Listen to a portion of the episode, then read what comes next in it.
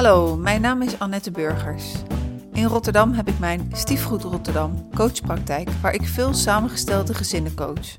Hieruit blijkt, en dat weet ik ook uit eigen ervaring, dat een samengestelde gezinsrelatie topsport is. Het is ingewikkeld, uitdagend, slopend, maar ook energiek, prachtig en liefdevol. Op school hebben we nooit les in de liefde gekregen.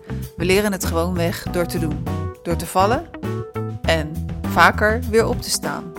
Ik ga in mijn podcast op zoek naar de liefde, op zoek naar liefdesverhalen, vol met succesvolle en soms verrassende tips, mooie, maar ook pijnlijke ervaringen en vooral naar inspiratie, motivatie en dat alles met een lach, een traan en vol liefde. Veel luisterplezier.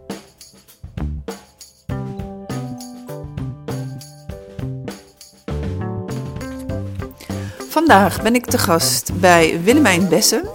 Willemijn, van harte welkom in uh, de podcastserie Op zoek naar de liefde.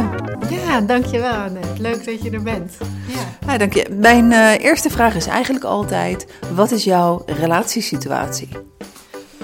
Op dit moment is uh, mijn situatie dat ik uh, alleenstaand ben voor een jaar. Mijn laatste vriend of partner is ehm, met een andere vrouw verder gaan leven, omdat hij een verlangen had voor een gezin en kinderen. En dat komt bij mij niet meer, omdat ik wat ouder ben. Dus dat hebben we echt heel liefdevol kunnen doen samen en dat was een jaar geleden. Ja. Oké, en, uh, en daar, daarvoor, ik bedoel, uh, je hebt kinderen of een kind? Ja, ik heb twee jongens uh, van 18 en 20. Dus mijn, ik heb veel relaties gehad in mijn leven. Allemaal zo rond de 2, 3 jaar en dan weer. En nou, ik hoop dat het nu of, wat langer mag zijn. Maar ehm, in ieder geval heb ik daar wel veel ervaringen mee van hoe verschillend dat kan zijn. En met de vader van mijn kinderen was ik iets langer, vijf, zes jaar. En toen ze één en drie waren, werd hij ook verliefd op iemand anders en is daar verder uh, mee gaan leven. Um, dus dat was eigenlijk al heel lang geleden dat wij uh, toen uh, uit elkaar zijn gegaan. En ik dacht er op het moment zelf over van, nou, ja, je geeft elkaar de vrijheid. En, maar ik had dus niet verwacht wat voor een impact dat op mij zou hebben en op ons en op onze kinderen. Want we zijn ook in liefde en vrienden uit elkaar gegaan. Maar daarna was het zo vermoeiend of moeilijk eigenlijk om in liefdevolle communicatie te blijven, omdat er toch allerlei emoties werden getriggerd waar je echt mee aan de slag moet, zelf of samen. En, eh, en als een van de twee daar niet naar wil kijken of daarmee om wil gaan bewust, uh, ja, dan, dan, dan loop je echt tegen een muur aan en dan uh, is het heel moeilijk om die nieuwe situatie te accepteren dat uh, je dus niet meer zo in verbinding kan zijn samen. Terwijl wel dat onze wens was samen om te doen. Mhm. Maar dat is dan nog maar de vraag met nieuwe relaties en al die invloeden en al die angsten die er loskomen. En uh, ja, ik denk altijd van blijf met elkaar praten.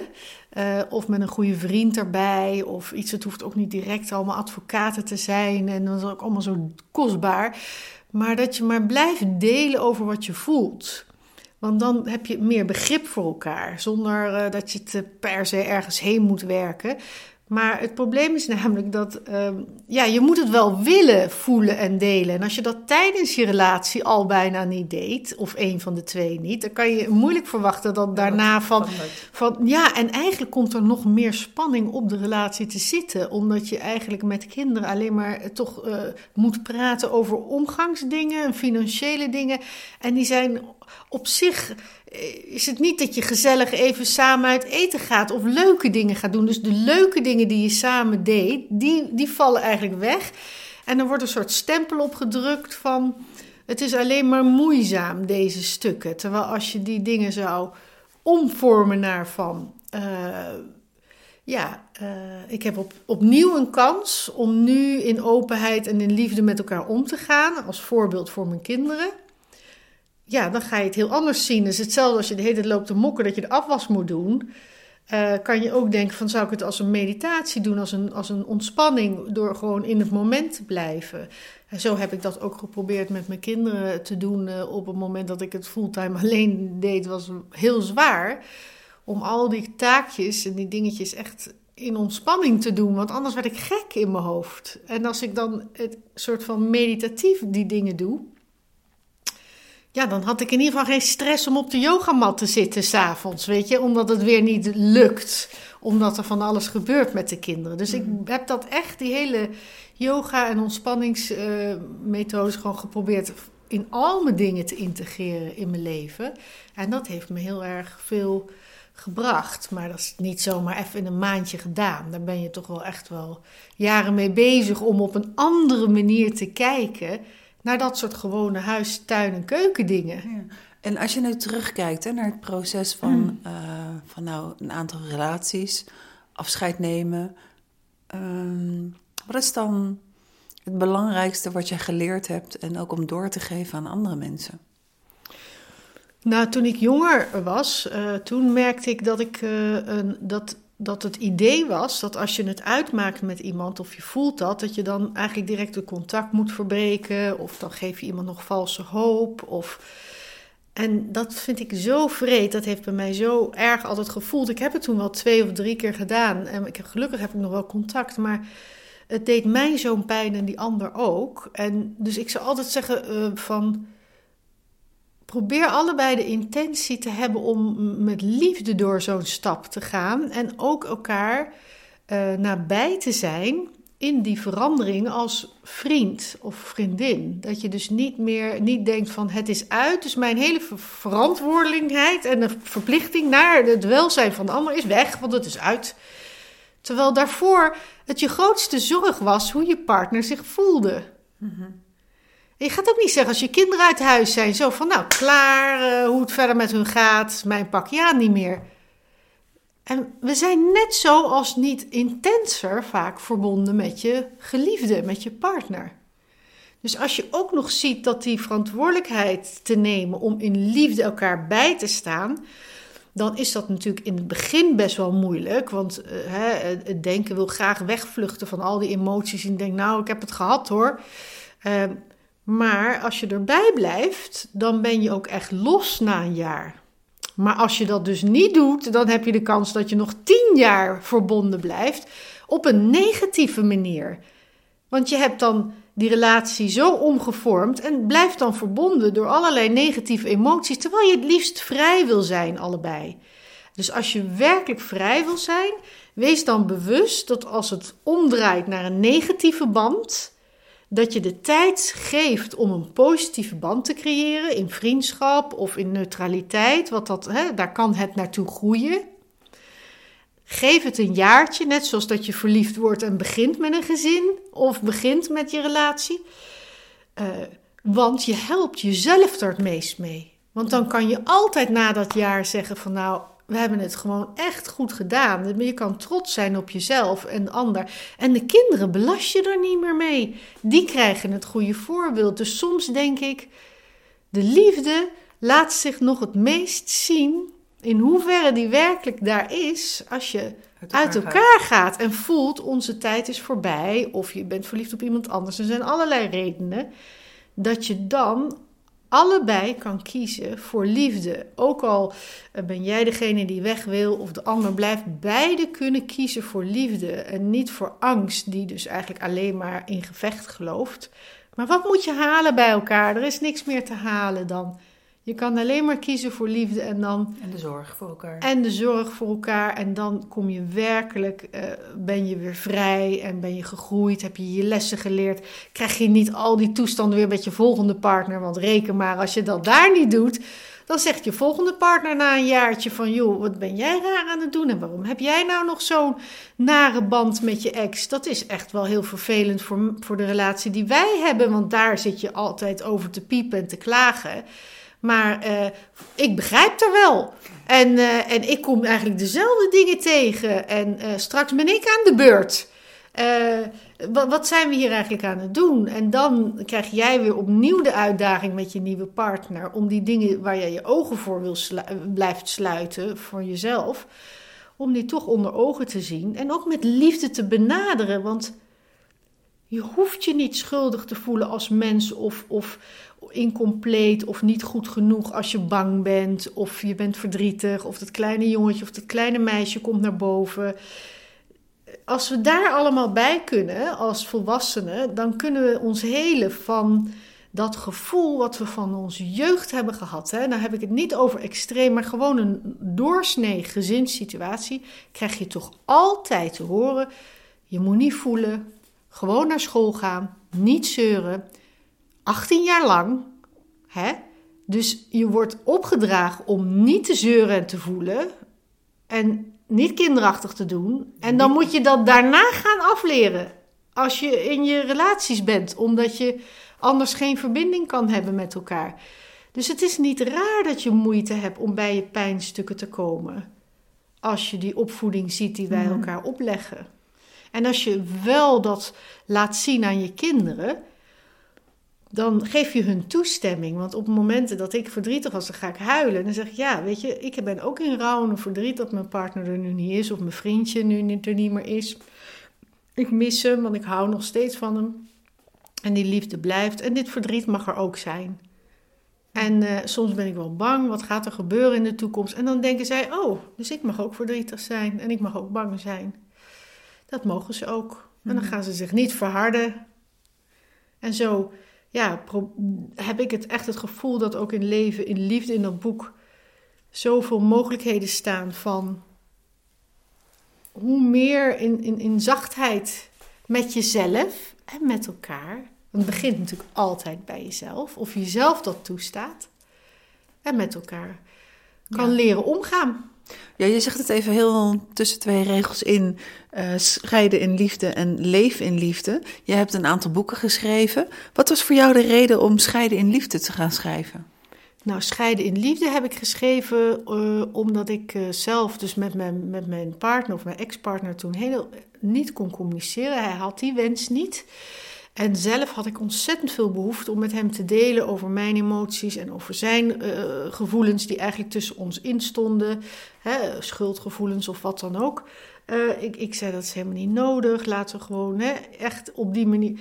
Maar ja, uit een soort van gevoel van. Ik, ja, onmacht eigenlijk om, om, om met hem die verbinding aan te kunnen gaan, heb ik dat met het boek gedaan, waarin ik al mijn emoties langs ben gegaan.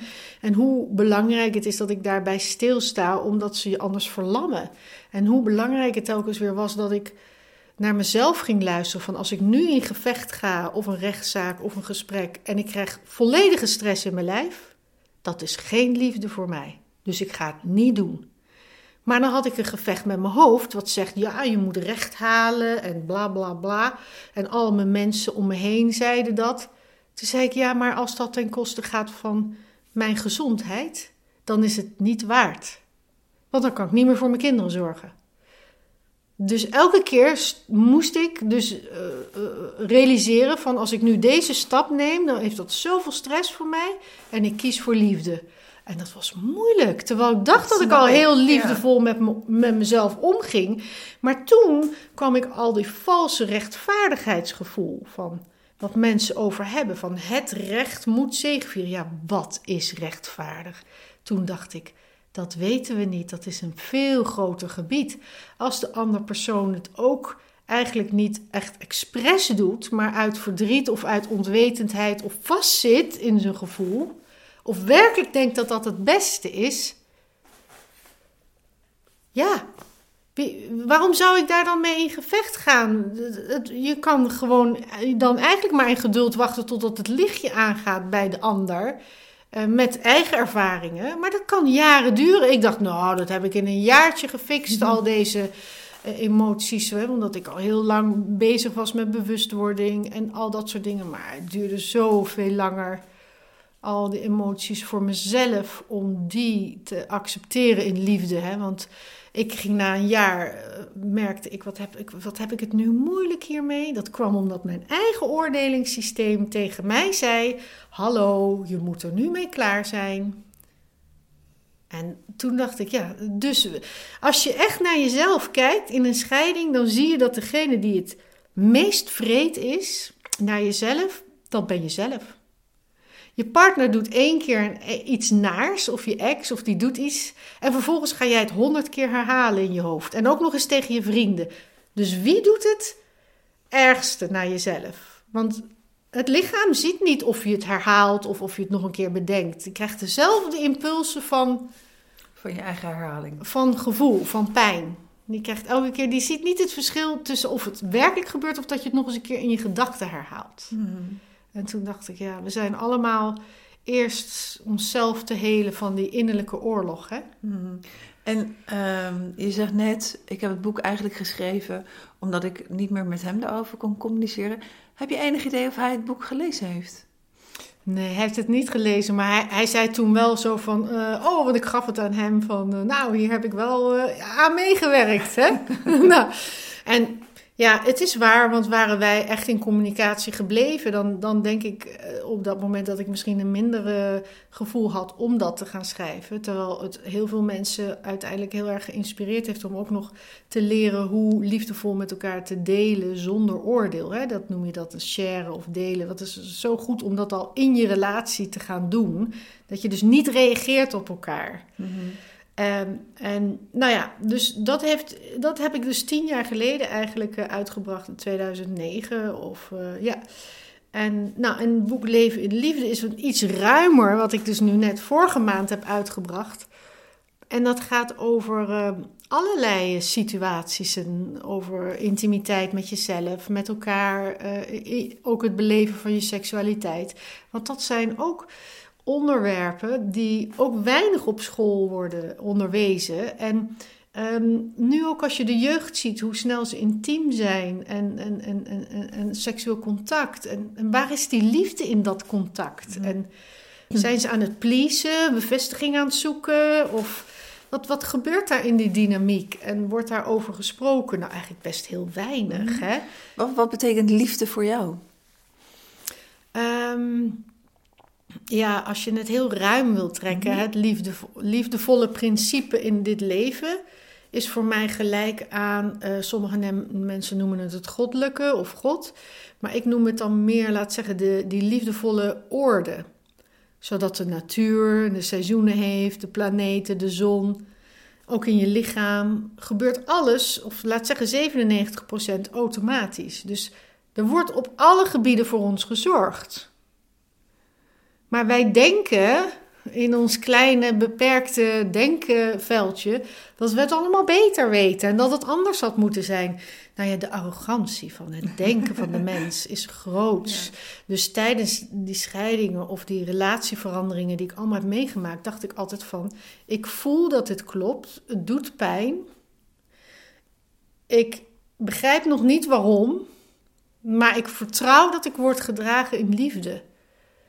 Um, dus ik, ik zie dat mijn lichaam, mijn persoontje nu echt door een rouw en een onthechting heen gaat. Dan ga ik heel goed voor mezelf zorgen. En daarna ga ik wel begrijpen waarom dit zo moet zijn. Want elke keer kon ik ook weer andere richtingen uit en groeien. Hmm. Soms heb ik het idee dat we echt als zielen sommige rollen spelen voor elkaar. Om bepaalde richtingen en bepaalde ervaringen op te doen als mens. Want eigenlijk zijn we een ziel die een menselijke ervaring heeft. Mhm. Maar die ziel is veel groter. En verbinding te maken met dat principe, wat we zijn in ons hart, is voor mij liefde. Mhm. Eh, wie of wat uh, is jouw groot, uh, grootste inspirator op het gebied van de liefde? Ja, Jezus misschien? ik, uh, ik bedoel niet dat ik de hele met een Bijbel in mijn hand zit. Of uh, ik ben wel, wel usnadig. Maar ik weet nog vroeger met kerst dat ik dacht van... Oh, er worden zoveel mooie verhalen over hem verteld. En hoe hij dan elke keer die vijand weer tegemoet kan treden in liefde. Hè?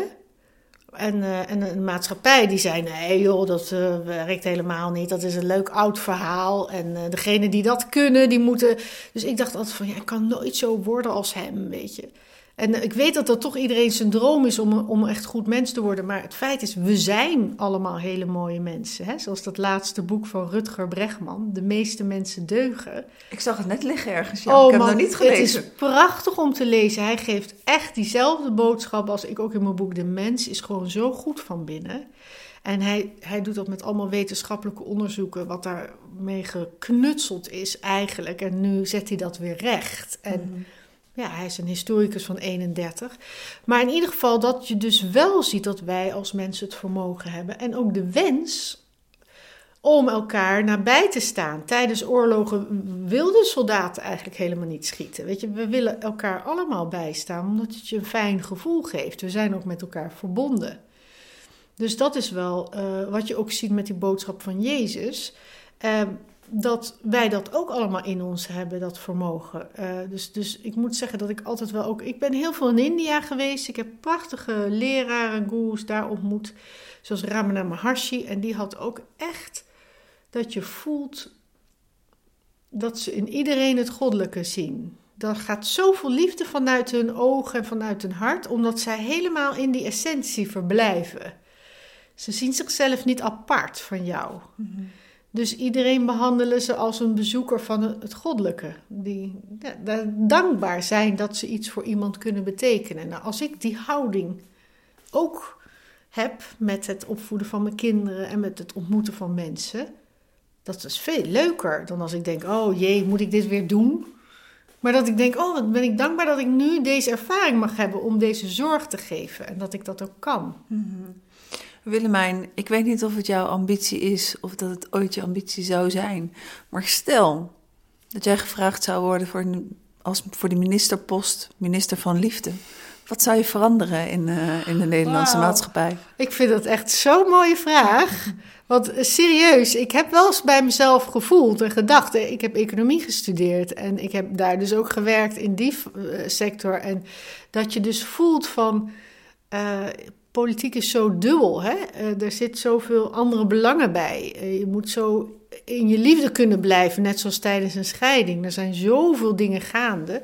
Voordat je het weet, zit je weer in angst mm -hmm. en in tekort. En dat is denk ik dat als ik dat zou doen, uh, dat je dan um, um, al die overbodige regels, die ontzettende regelgeving, die de mens zogenaamd moet beschermen voor het slechte in hemzelf ik heb het gevoel dat het juist stimuleert. Mhm. Dus jij zou wat regels overboord gooien? Oh, ontzettend veel. Voor Welke regels zou je er gelijk uitkiepen? Voor al die kleine ondernemers. Ga lekker je ding doen. Uh, ook al die grote gebouwen en toestanden, die, al die grote kantoorgebouwen. Laat mensen lekker van huis werken, klein, weinig overhead kosten. Al dat soort opsmuk van kijk mij en dan komen de klanten. Die tijd is voorbij.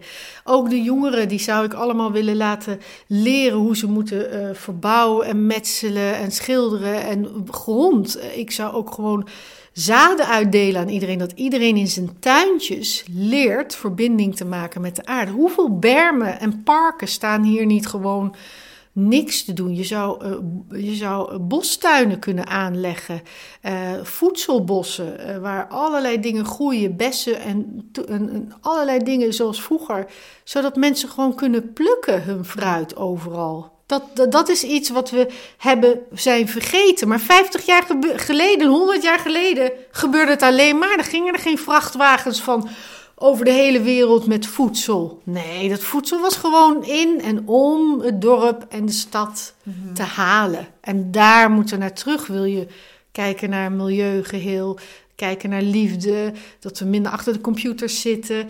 Ik wil mijn kinderen nu niet meer laten studeren om een, een of andere corporate baan te hebben waar ze acht of tien uur per dag achter een computer zitten.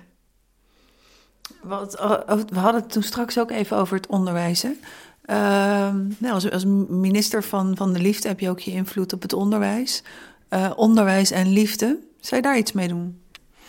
Ja, dat is een heel, heel mooie vraag. Ja, ik heb altijd dat zo gewenst eigenlijk toen ik op school zat. Ik vond de biologie en de seksuele voorlichting zo biologisch dat ik zelf uh, daar in mijn jonge jaren alleen maar bang was dat ik zwanger zou worden, bijvoorbeeld, of ziektes oplopen. De, de nadruk lag dus niet echt op liefde. Ehm, dus dan wordt dat hele geheel waar je dus eigenlijk je heel gekoesterd zou kunnen voelen samen, wordt overgeslagen. Vervolgens weet ik nog dat ik de Griekse verhalen wel mooi vond uit de oudheid. En, maar voor de rest was er zo weinig wat me inspireerde van hoe communiceer je echt met elkaar? Hoe ga ik met elkaar om eh, als je van elkaar houdt of verliefd wordt? Um, wat is de basis eigenlijk van een goed gezin? Wanneer begin je met iemand met kinderen? Um, of is het gewoon random van ja, nu gaan we maar uh, dat doen? Weet je, er zijn, ja, ik zou zeker een vak in doen waar dus um, intuïtieve ontwikkeling, dus dat je beter gaat voelen in jezelf en je emoties en voelt wat je hartenergie brengt en wat je persoonlijkheid inbrengt, al die beperkingen en al die angsten, zodat je dus echt ook kan afkicken van al die dingen die je ouders en de maatschappij je hebben gegeven, die niet waar zijn, die niet voor liefde kiezen. En dat je daarna ook leert met elkaar in gesprekken te gaan. En dat je een ander soort seksuele voorlichting geeft, zoals de Taoïsme en de Tantra-principes. Dat je weet hoe je deze seksuele energie door je lichaam kan laten stromen, hoe je die kan gebruiken voor heling. Nou, dat zijn gewoon basic dingen. Mhm. Eh, die heb je in een uurtje of twee uurtje uitgelegd. Reken maar dat die jongeren dat direct oppakken. Daar hebben ze tenminste wat aan. Als ze voelen van hé, hey, het kan ook anders. Zoals de jongeren, jongen, die jongeren die merk je in de puberteit dat die seksuele energie die wordt zo groot. En dan weten ze niet wat ze met hun energie moeten doen. Dus dan gaan ze maar drinken of blowen of weinig slapen of maar de hele tijd eh, klaarkomen. Maar dat is hun mooiste energie. Dat, dat laten ze de hele tijd maar lopen, uit, omdat ze niet weten hoe ze met die kracht in zichzelf moeten omgaan. Nou, dat legt het Taoïsme heel simpel uit. Dat heb ik een half uurtje uitgelegd. En als ze dat weten, mijn zoon heeft toevallig vorige week twee boeken meegenomen van mij die daarover gaan. Omdat hij bij zichzelf zag ook dat het, ja, nee, het moet wel even anders. Mhm. En uh, ik heb het natuurlijk al heel lang liggen, maar... Mooi dat hij zijn eigen moment heeft gekozen om die boeken dan mee te nemen. Ja, ja. Als hij ze uit heeft straks, gaat hij het bespreken met je?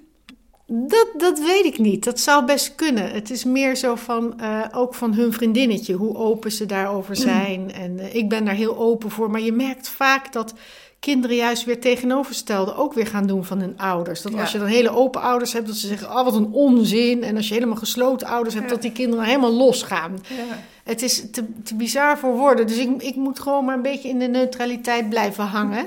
En ik ben nog aan het ja, kijken. Maar ik, ik vind het wel. Ik geef vanuit, vanaf 2006 dat soort intimiteits- en verbindingsworkshops met groepen mensen, met vrouwen, mannen en ook in een groep, maar ook uh, individueel. Uh, waarin ze dus eerst leren praten over dit soort onderwerpen en dan naar elkaar kijken en dan voelen.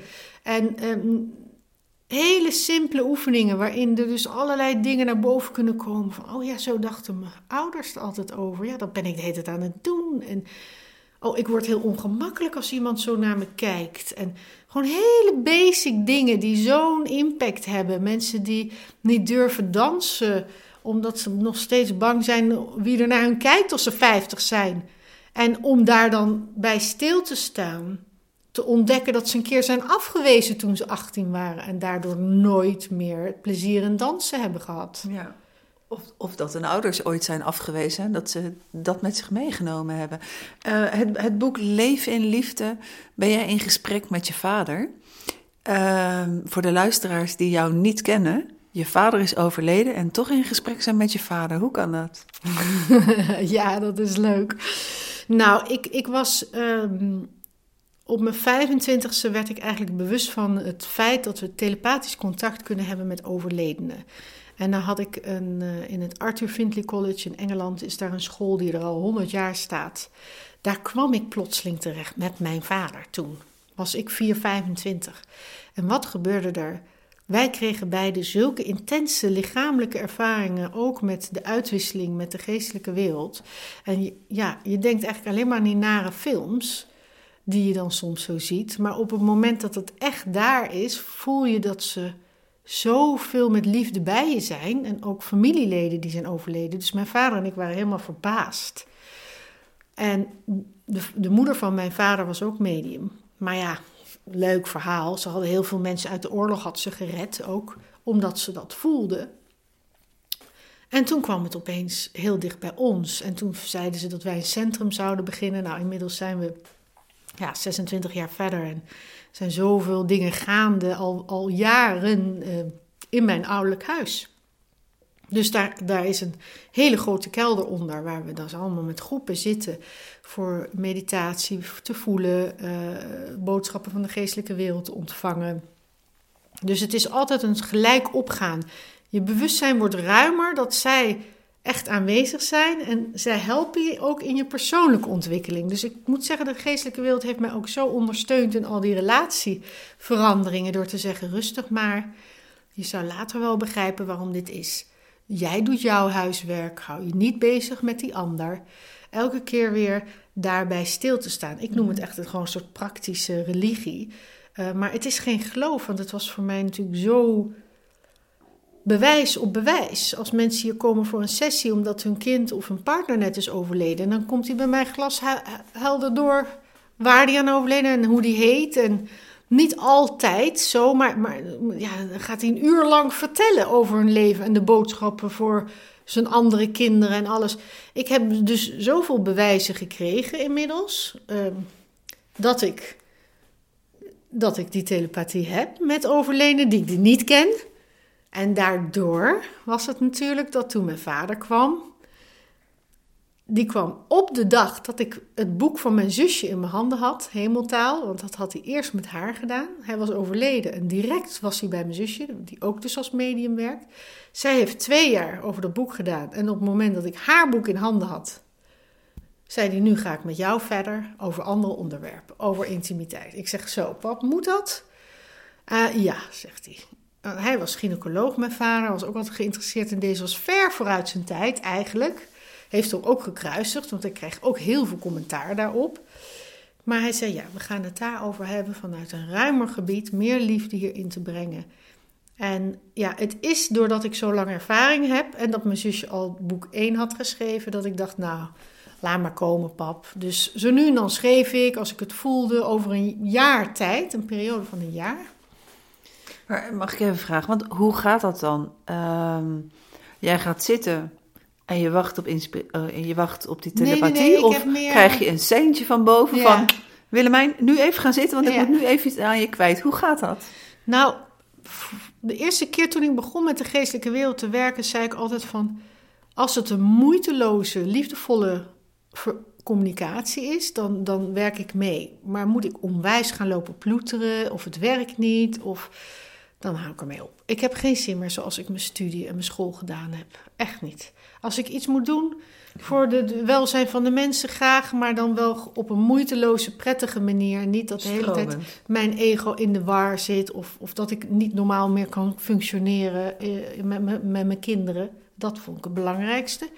Dus wat er gebeurt is, ik loop bij huis rond, ik dit en opeens...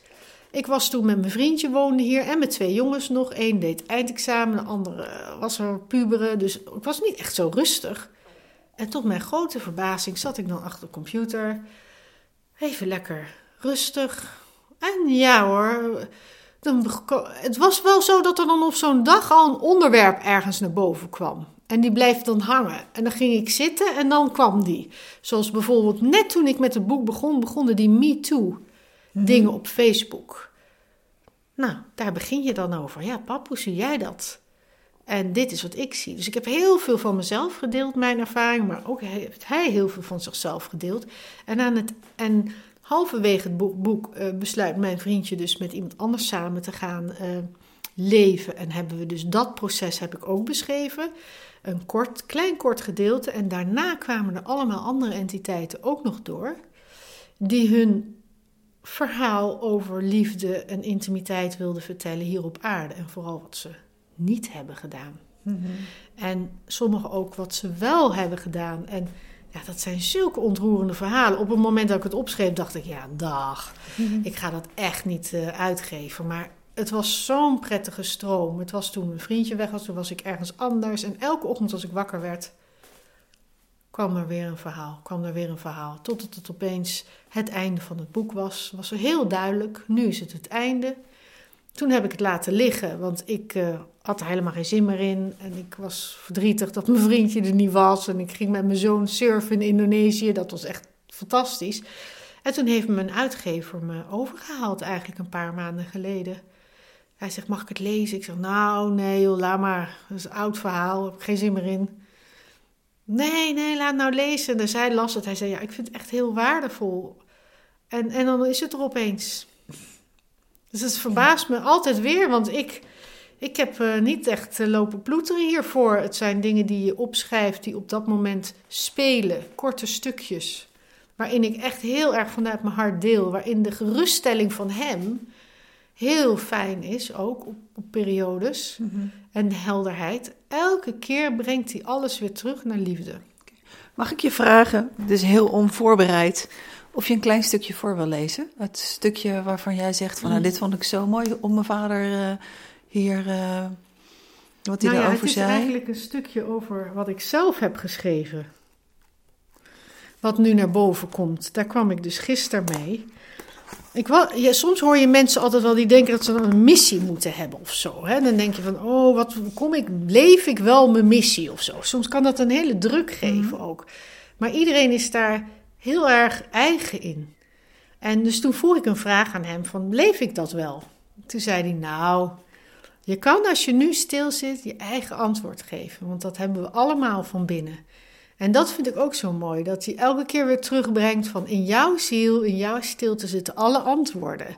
Je kan wel naar iemand gaan voor een bepaalde inspiratie, maar ga altijd weer terug naar jezelf. Geef je macht niet uit handen. En dat is ook een ding wat heel belangrijk is in een kwetsbare tijd, vooral ook met scheiding, dat je soms gewoon te veel op andere mensen gaat uh, leunen. Dus dat is eigenlijk wat er nu naar me, bij mij naar boven komt.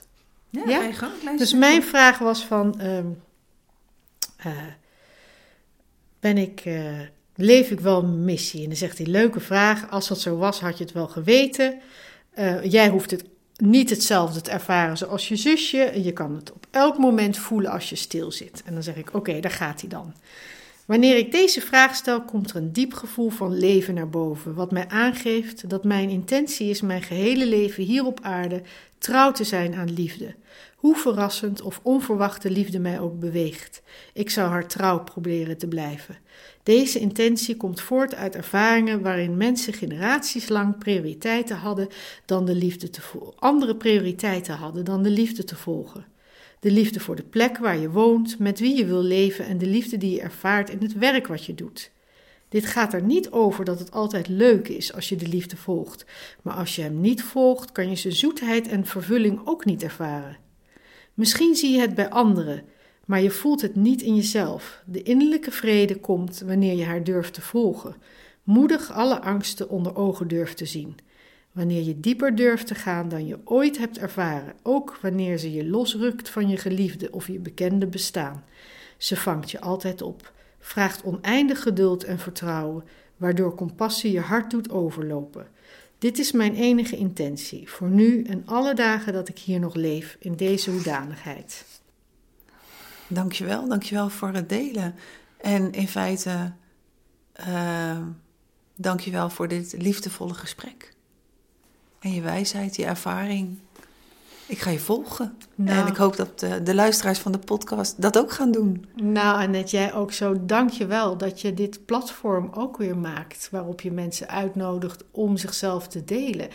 Want ja, we zijn echt wel een netwerk van liefde. En als iedereen dat kan geloven, dan hoeven we niet meer bang te zijn. En dan kan je elkaar om hulp vragen als je het even moeilijk hebt of je kwetsbaar voelt. En dan hoeven we onszelf niet meer te verharden. Dus uh, ja, daar ben ik ook heel dankbaar voor dat jij, uh, dat jij dit opzet. En ik vond het ook een heel fijn gesprek. Dankjewel. Dankjewel. En voor de luisteraar, over twee weken is er weer een podcast. Bedankt voor het luisteren voor vandaag. En ik hoop tot over twee weken.